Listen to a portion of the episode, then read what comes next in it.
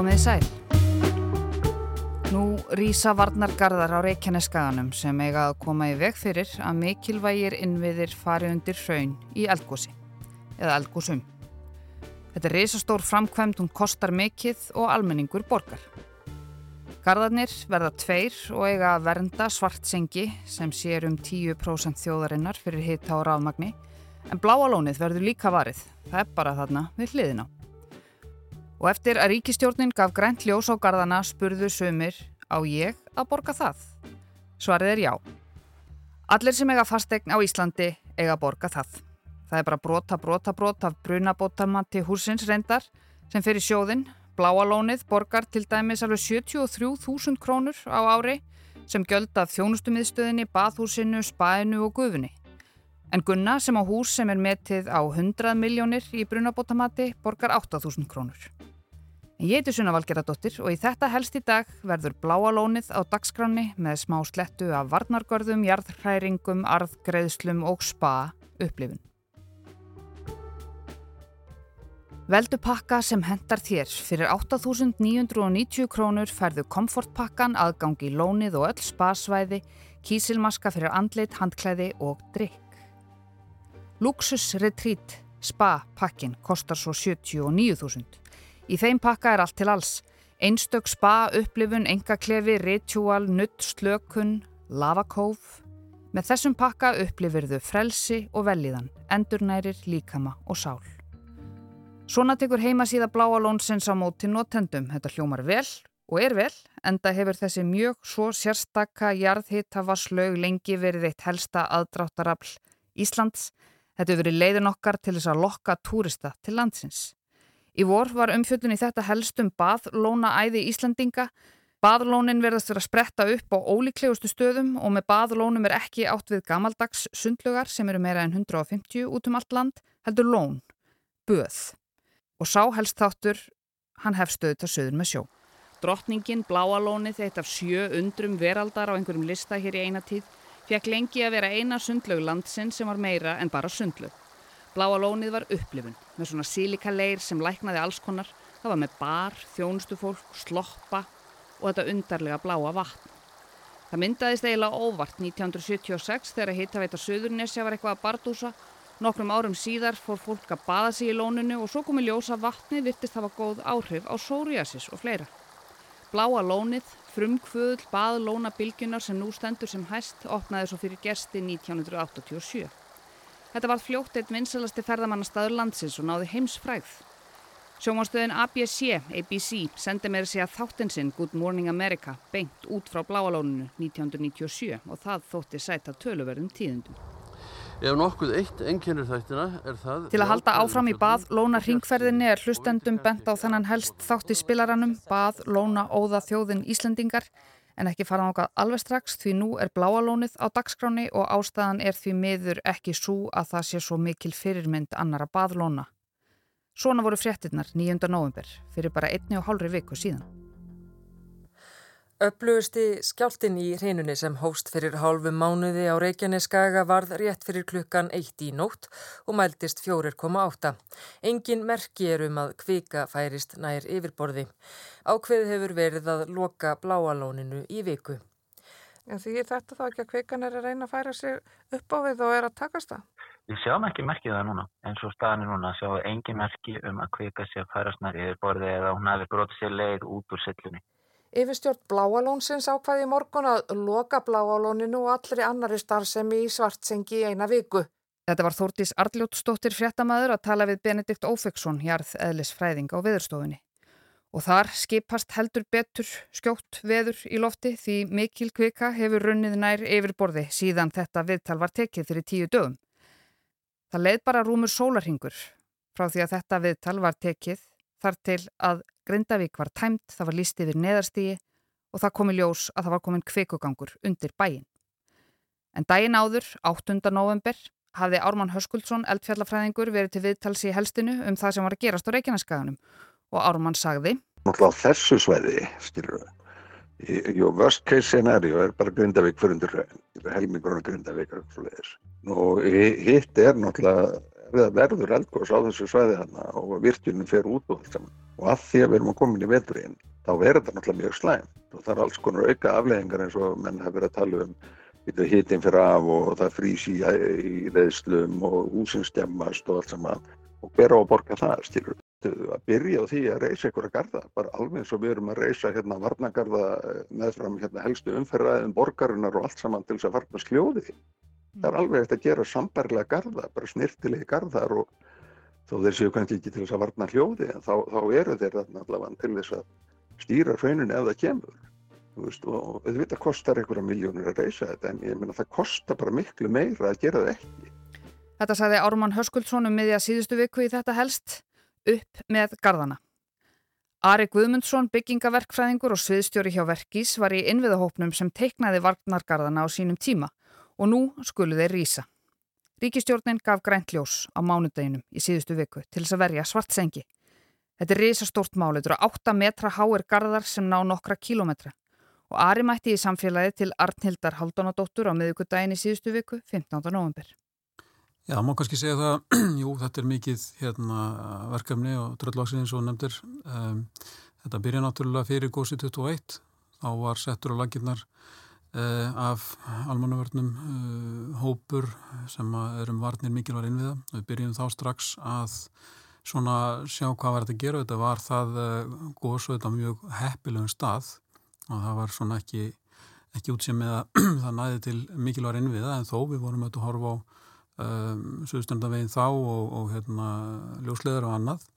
Þetta gerðum ákveðna tilurni þar með uppsendingu varnagörðum og, og hérna, fengum heilmikla reynslu. En það sem við erum kannski núna með og áttum kannski nú ekki vona því að við værum svona fljótt komin í þetta ástand sem við erum í núna. Við skoðum á þeim tíma, þó að gósið það verið færdagsfælli, við skoðum ímsar sviðsmyndir annar staðar og vorum þá að óttast auðvitað þessa sviðsmynd sem við erum kannski að horfa svolítið á núna og vorum þá búin að gera hröndflæði greiningar og settum upp þá drög að svona frumhannur aðákvönum varnagörðum sem að eh, er til dæmis í kringum, kringum svarsengi og, og, hérna, og síðan þegar uh, þetta fór nú að hefist þessi, þessi atbyrður rás núna uh, fyrir einhverju tveitri veikur síðan þá, þá hérna, dróðu þetta fram, fórum að skoða þetta nýju, uh, gerðum ný hröndflæði líkun og, og bættum við sviðsmyndum. Þá vorum við nú auðvitað að horfa á þetta landri sem er þarna vestan við Svarsengi og breyttum aðeins skaralegunni þar með tildi þeirra, þeirra svinsmyndar en megnum til er þetta svona svo sama frum hönnun sem við vorum með þá.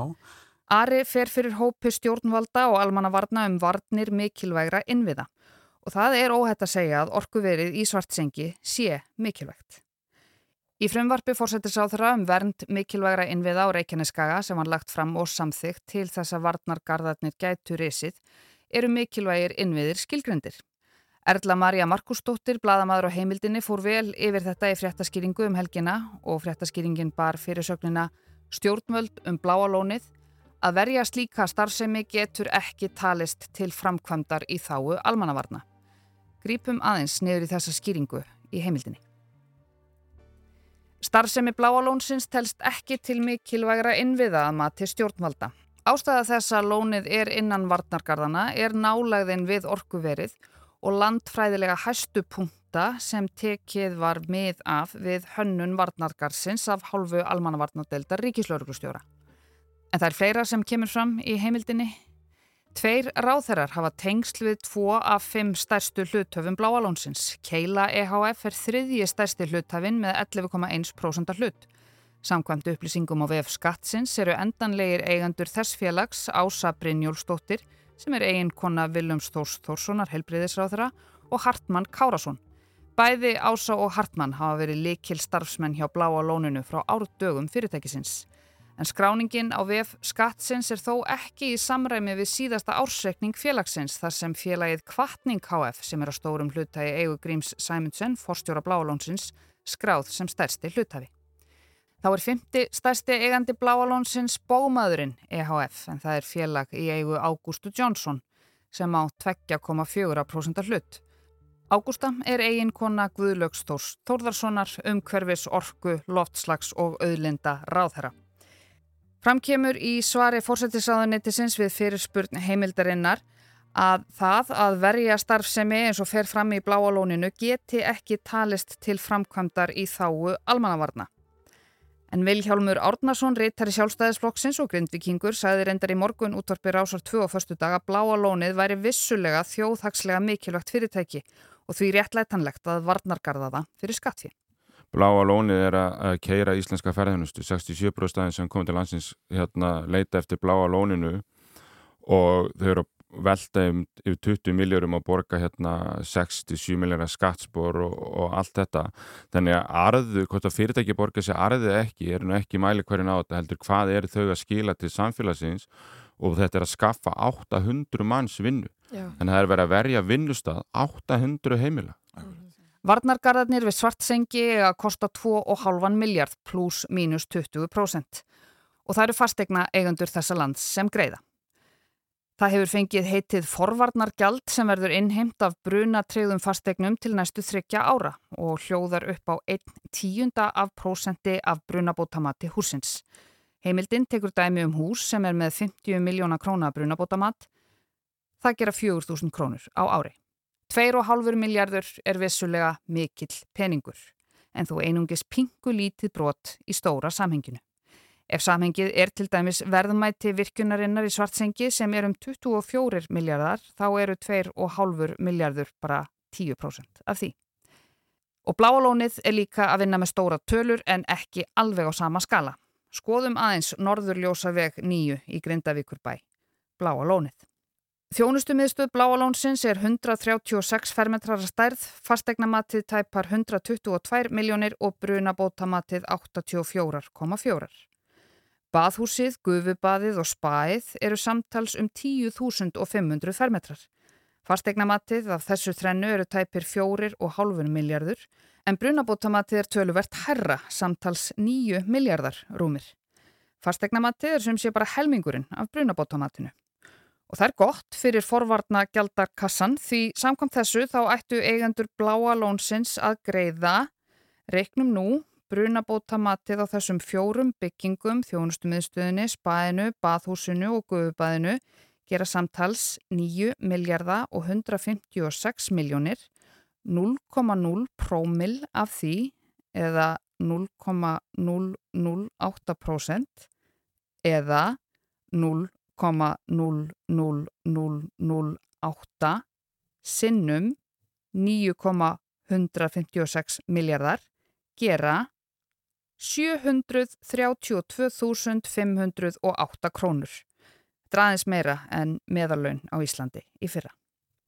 Og ef við tökum þá tölu í annað stort samhengi, þessar 730.000 krónur sem eigendur bláalónsins þurfa að greiða á ári í varnargarðagjald fyrir þessar fjórar byggingar, þá er hann ekki droslega há.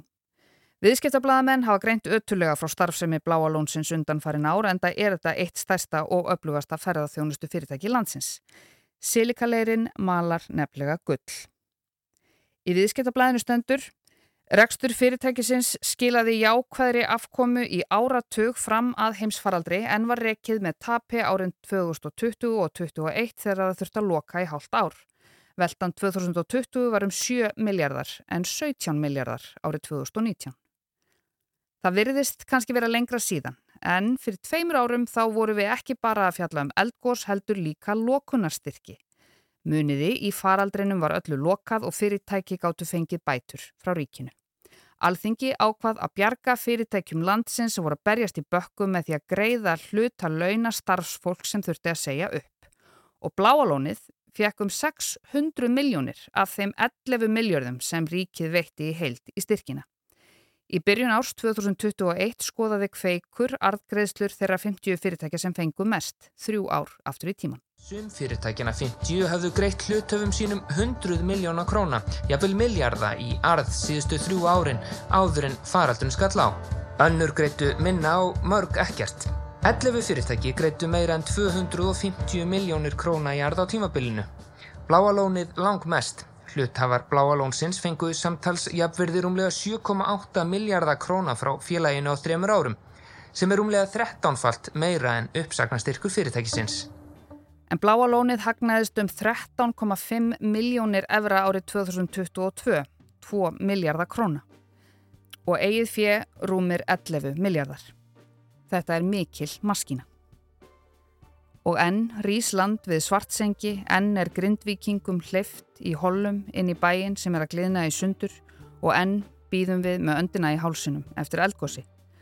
Það kemur eldgós, við vitum bara ekki alveg hveners eða alveg nákvæmlega hvar og vonandi eiga varnargarðarnir eftir að uppfylla skildur sínar þegar að því kemur.